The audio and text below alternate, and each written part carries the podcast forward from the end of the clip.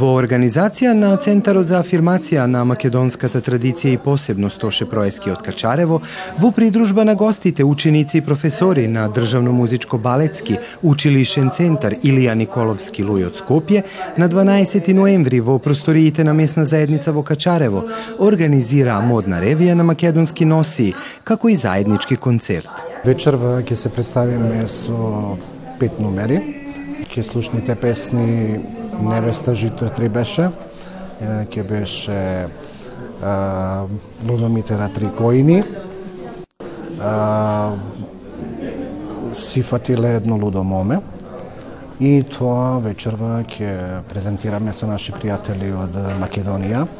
И вечерва се обележува концертот на загинати Тоше Проески и во чест на него и на очувањето на македонската музика и култура се пријателите наши ќе чуеме и гајде, и тапан, и зурли, и тамбори, така да сме тако смислили и со соработка со ние вечерва ќе имате можност да уживате и во еден, еден дел од сите делови на Македонија, да се така изразам, во народни носи. Мислам да е многу добро да се одржи и јазик, и култура, и песна, и игра, и оро, така да функционираме онако како можеме според ова епидемиолошка ситуација.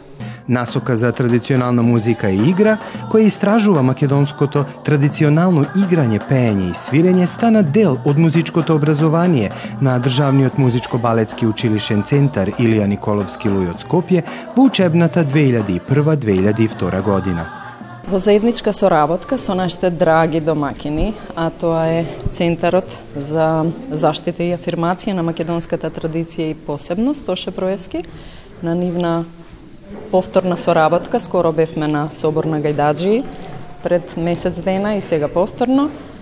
Исто така под организација на градот Панчево и Националниот совет на македонците, вечерва направивме една заедничка соработка, едно надополнување меѓусебно, каде што ќе отвориме вечерта со ревија на 10 народни носи, машки и женски, од авторот Антонио Стојчески. Тој е млад колекционер, има повеќе епитети за него, наш некогашен ученик, студент сега на катедрата за етнокореологија во на музичката академија во Штип, член вработен и во професионалниот ансамбл танец. Од негова лична колекција ќе издефилираат и ќе се изпрезентираат 10 традиционални носи во соработка и со наши ученици и со членови од Сдруженијето Тоше Проевски, потоа ќе следи ќе следат четири вокални изведби, вокално-инструментални изведби од пределите Костурско, Воденско, Меглен, кои што ќе ги отпеат и отсвират повторно. Сдруженијето Тоше Проевски со нашите ученици и професори. И на крај ќе следи еден дел вокално-инструментален и орски представен од насоката за традиционална музика и игра од нас гостите од пределите Прилепско поле, Овче поле, така да ќе зиграме, ќе запееме, нормално ќе завршиме со брендот од песни Јовано Јованке, македонско девојче и како ќе не понесе енергијата.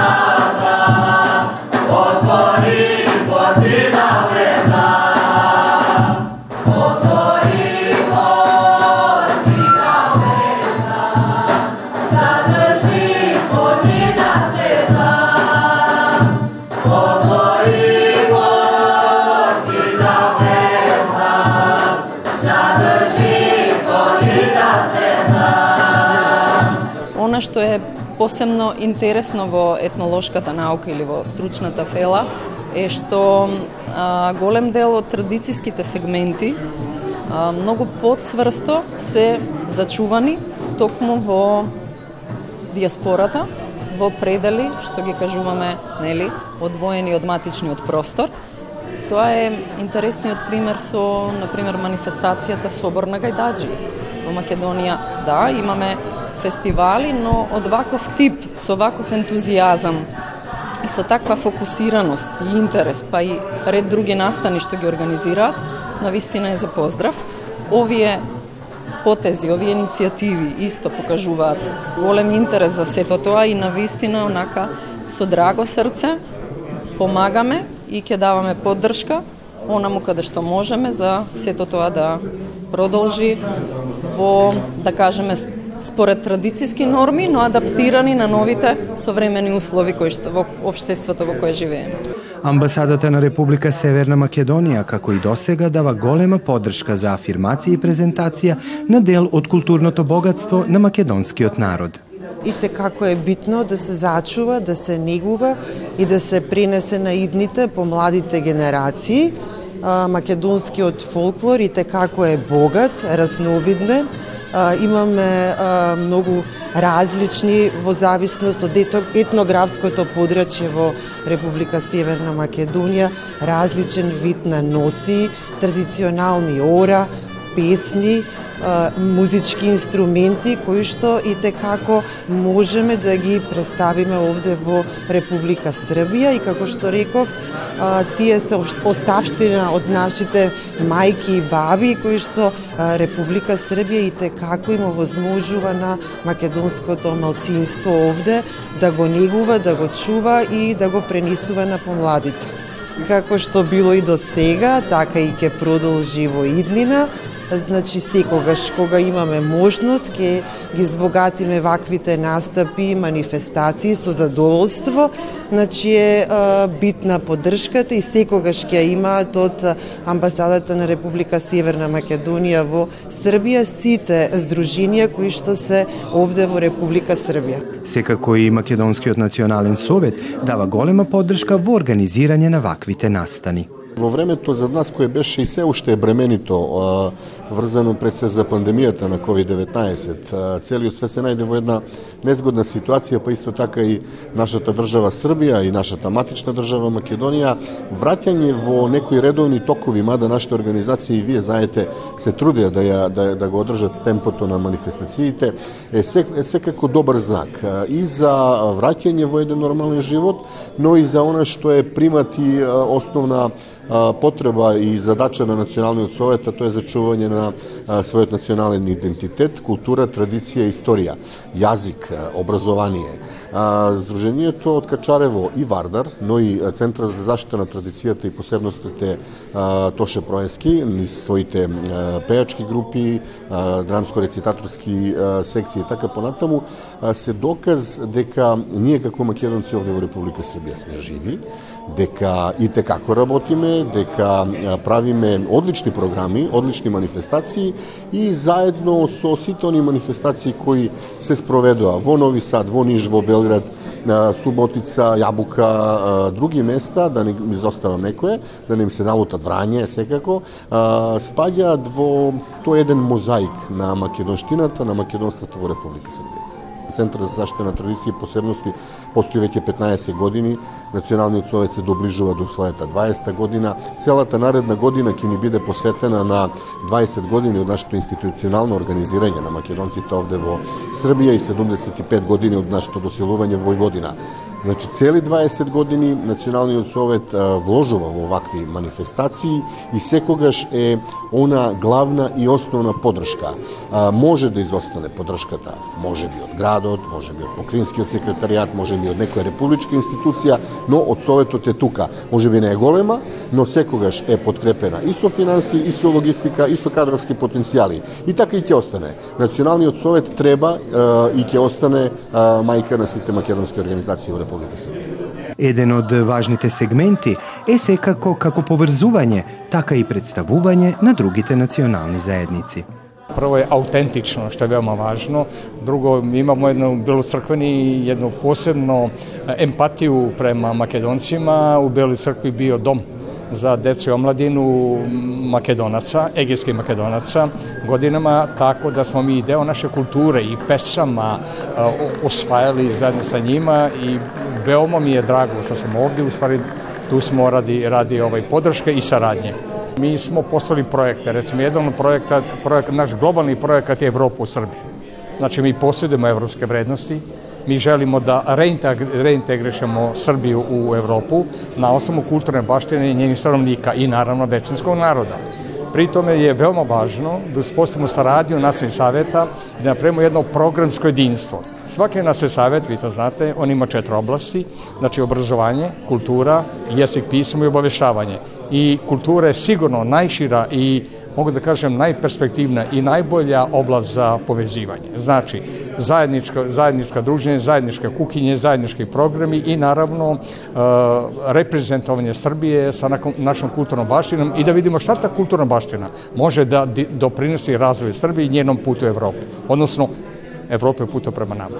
Досегашната работа на насоката за традиционална музика и игра е одбележена со преку повеќе од 400 концерти пред македонската и пошироката јавност, телевизиски гостувања, како и учество на меѓународни фестивали и турнеи во Хрватска, Италија, Бугарија, Босна и Херцеговина, Романија и Србија.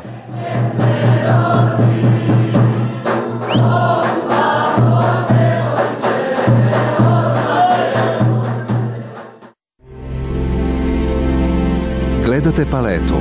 Izbor iz emisija na jezicima nacionalnih zajednica.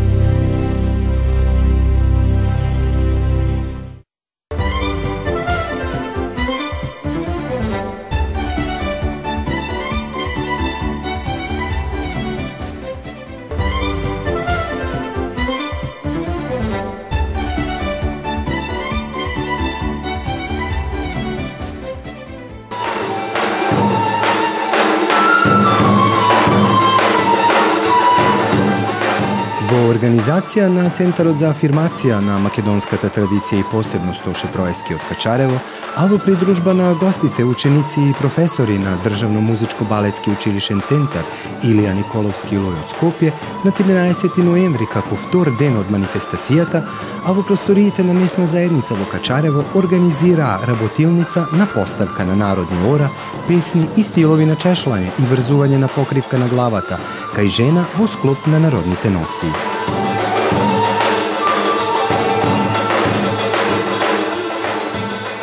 Група ученици и мои драги колеги.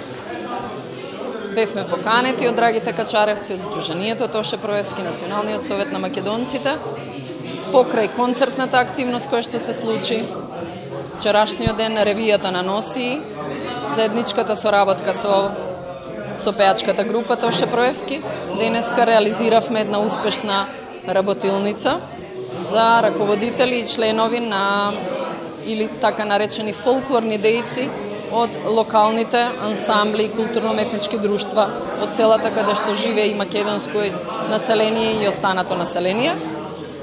Во еден преубав амбиент, многу акустична, акустична сала, тоа е еден од главните услови за добра работа. Направивме категоризација да пренесеме дел од методиката на народните ора, постепеното изучување на орската традиција со а, игрорната структура од која што се содржани ората.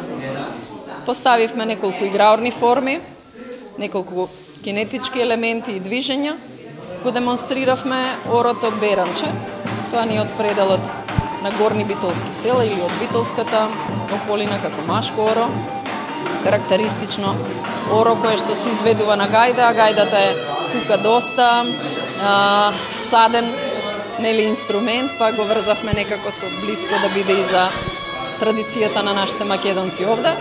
Во вториот дел следеше а, работилница со професорот Оливер Настовски, поставување на вокализи и техники на пеење и совладување на ороводната песна Младо виде од предалот Пијанец или околината на Делчево. Во третиот блок професорот Роберт Ангеловски, кој е професор по народни инструменти, ја ги демонстрираше традиционалните инструменти, и дувачките, и жичаните, и будачките инструменти. И се презентираше на традиционален оркестар Орото Малешевка во однос на приемчивоста на учесниците, топло и пријатно изненадени, како и секој пат кога доаѓаме тука. Тоа е една, како да кажам, еден, еден процес кој што е необходен. Како што јас имам потреба да совладувам искуства нели, од култура која што е, може би, поразлична нели, од собствената, така и во овој случај. Мислам дека беше доста корисно. Имавме едно селектирани, квалитетни членови кои многу брзо ја совладуваа поставената материја, онака што викаме ние добра играорна перцепција, па и вокална способност и финиширавме со, во работилницата со а, презентација на карактеристично чешлање на коса кај жена и забрадување со два типа на покривка на глава, од пределот долна преспа, тоа е забрадување наречено напетари, и забрадување од пределот овче поле, исто женско за млада жена, со помош на каврак. Тоа ни го изведе нашата ученичка Анастасија Бошковска, која што е четврта година, матурантка сега, и која е многу посветена во однос на таа естетска функција која што ја користиме при настапите и совладувањето на наставата. Наставата во Државно музичко-балетски училишен центар Илија Николовски од Скопје главно се реализира покрај обштообразовни предмети и преку стручни предмети кои ја третираат нематеријалната и материјалната традицијска култура на македонците, но и пошироко на балканските народи. Голем дел од нив и прв пат доаѓаат разговаравте со Анастасија Елиевска, она е втора година ученик и прв пат доаѓа, мислам, многу поразлична е секако и архитектонската поставеност на урбанистичката на овој тип панонски села, а, гостопримливоста е, мислам, безпрекорна, онака домакините Лилја и Сима се за огромен поздрав. И вчера на концертот и Исто гостувавме на собор на гајдаджи, кога ќе видите на солзени очи, кога ќе видите онака една растреперена душа кај, кај нашинци, кај луѓе, знаете дека сте ја освоиле мисијата, сте ја постигнале мисијата, така да големо благодарам и во секоја прилика ќе даваме поддршка за ете една нишка да се продолжи таа традиција која што ние од од школски рамки ја изучуваме па можеме да ја пренесеме. Генерално една порака до до младите која ете како а, мисија на педагог кој што 20 на години се занимава со тоа е љубов, посветеност и работа. Имаме пример на на наш доскорашен ученик, тој е Антонио Стојчевски, кој што беше автор на вчерашната ревија на Носија.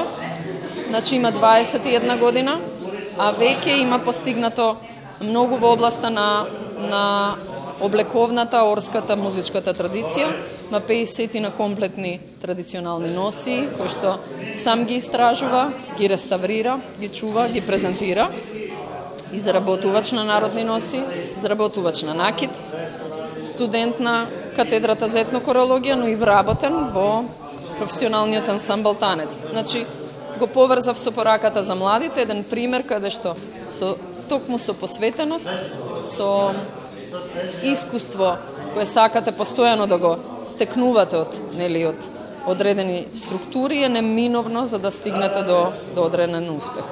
Почитувајте ја традицијата, следете ги традицијските норми, но секако живееме во едно современо општество и кое што има нови сценски уметнички услови и простори за работа на кои што треба да се адаптираме во еден оригинален израз.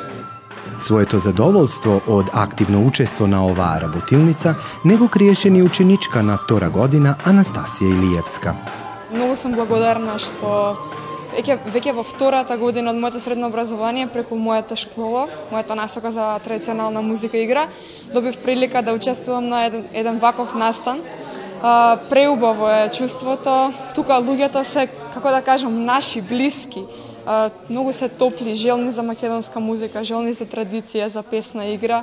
Многу ми е мило и се надевам дека повторно ќе имам прилика да дојдам токму тука во Качаро. На овие работилници учествуваа раководители и членови на три културно-уметнички друштва од Качарево, Јабука и Гудурица, населените места во кои живеат и македонците. Ja mislim da je jako značajno ovo za, za pogotovo ovaj naš kraj i ovo naše mesto ovde, e, da ljudi imaju prosto neko znanje koje vuku iz svojih korena iz Makedonije, jer ima mnogo ljudi iz Kačara koji zapravo vode poreklom ovaj, iz makedonskih krajeva, Tako da ja mislim da je jako značajno održati tu tradiciju i očuvati to znanje da se ne izgubi i smatram da je udruženje uh, Vardar iz Kačareva koje, koje ovaj, je organizovalo sve ovo zapravo jako, jako dobar posao radi i smatram da je, da je stvarno značajno da, da ostanemo u toj materiji dalje. S obzirom da u našem selu živi dosta makedonaca, čak što više nekih 30-40%. Ovo je jako, jako prem puno znači. Mi inače u svom kudu i negujemo uh, makedonsku tradiciju, narodnu pesmu i igru.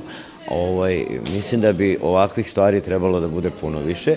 O, da se mi sami edukujemo u smislu da prenesemo na tu decu čiji su i roditelji makedonci i oni vode poreklo makedonsko ovaj, mislim da bi to doprinelo mnogo veće afirmaciji i makedonske tradicije i igre, a i na kraj svega ovaj, osnova svega jeste da se sačuva tradicija e, nacionalnosti, da li je to srpska, makedonska ili bivša. Svakome e, da se nauči nešto bilo je baš poučno i svakome to treba. Znači, niko nije rođen sa svojim znanjem i uvijek se treba učiti. I ovo je jako bilo poučno i fino su imalo predavanja gospođa koja je radila folklor, bila je divna, pevanje koje je radio gospodin, bilo je divno i muzika koja je bila divna. I deca koja su oko noši, odnosno vezivanje marame, odlično, svaki čast.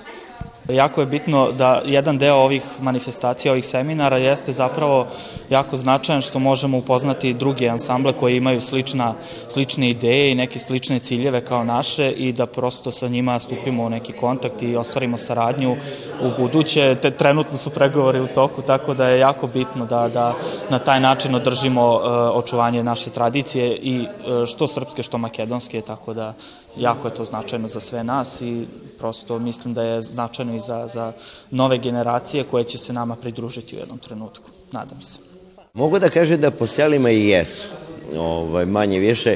Jedino što nije adekvatna, kako da kažem, ta profesorska ovaj, zastupljenost po selima.